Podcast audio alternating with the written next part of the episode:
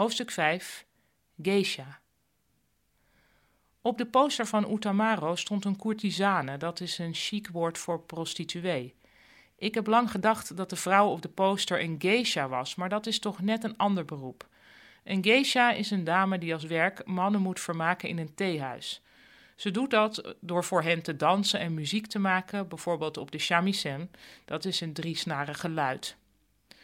Om geisha te worden moet je een zware opleiding volgen in een huis met een meesteres die je moeder moet noemen. Daarnaast krijgen alle leerling geisha's dans- en muziekles op een speciale school. Letterlijk betekent geisha kunstpersoon, vrij vertaald kunstenares.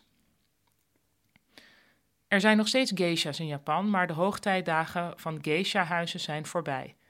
Vroeger werden topgeisha's een soort supersterren die de mode in Japan bepaalden en algemeen geadoreerd werden. Ondanks de hoge status van sommige geisha's associëren veel westerlingen hen vooral met prostitutie.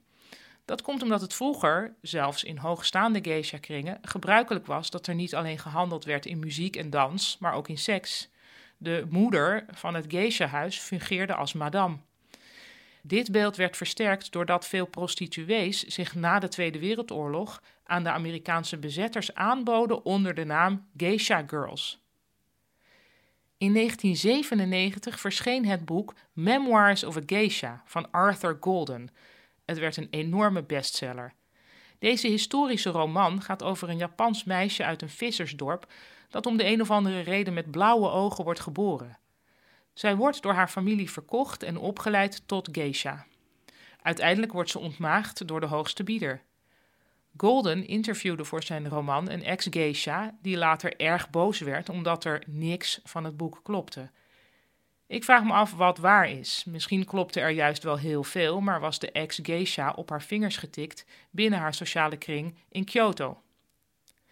Er bestaat ook een boek, Autobiography of a Geisha, geschreven door een ex-geisha zelf, Sayo Masuda.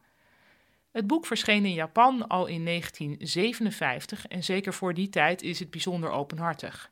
Masuda beschrijft hoe het is om een geisha te zijn in een tweede rangs kuuroord in plaats van in het elegante Kyoto. Ze vertelt hoe ze haar echte naam pas leerde kennen toen ze twaalf was en in het ziekenhuis lag. Tot die tijd was ze alleen maar die domme genoemd door haar zusters in het geisha-huis. Ook schrijft ze hoe haar maagdelijkheid tot vijf keer toe verkocht werd. Het is geen vrolijk boek, wel een goed boek. Overigens, je hoort het nu ook al, dit staat in het boek, maar ik zeg er maar eventjes bij. Je ik zeg de hele tijd geisha ehm, en niet geisha of geisha of geisha. Um, want eigenlijk is die EI, dat geldt als een verlengde E. Dus altijd als er in het Japans woord EI staat, dan wordt het een E. Geisha.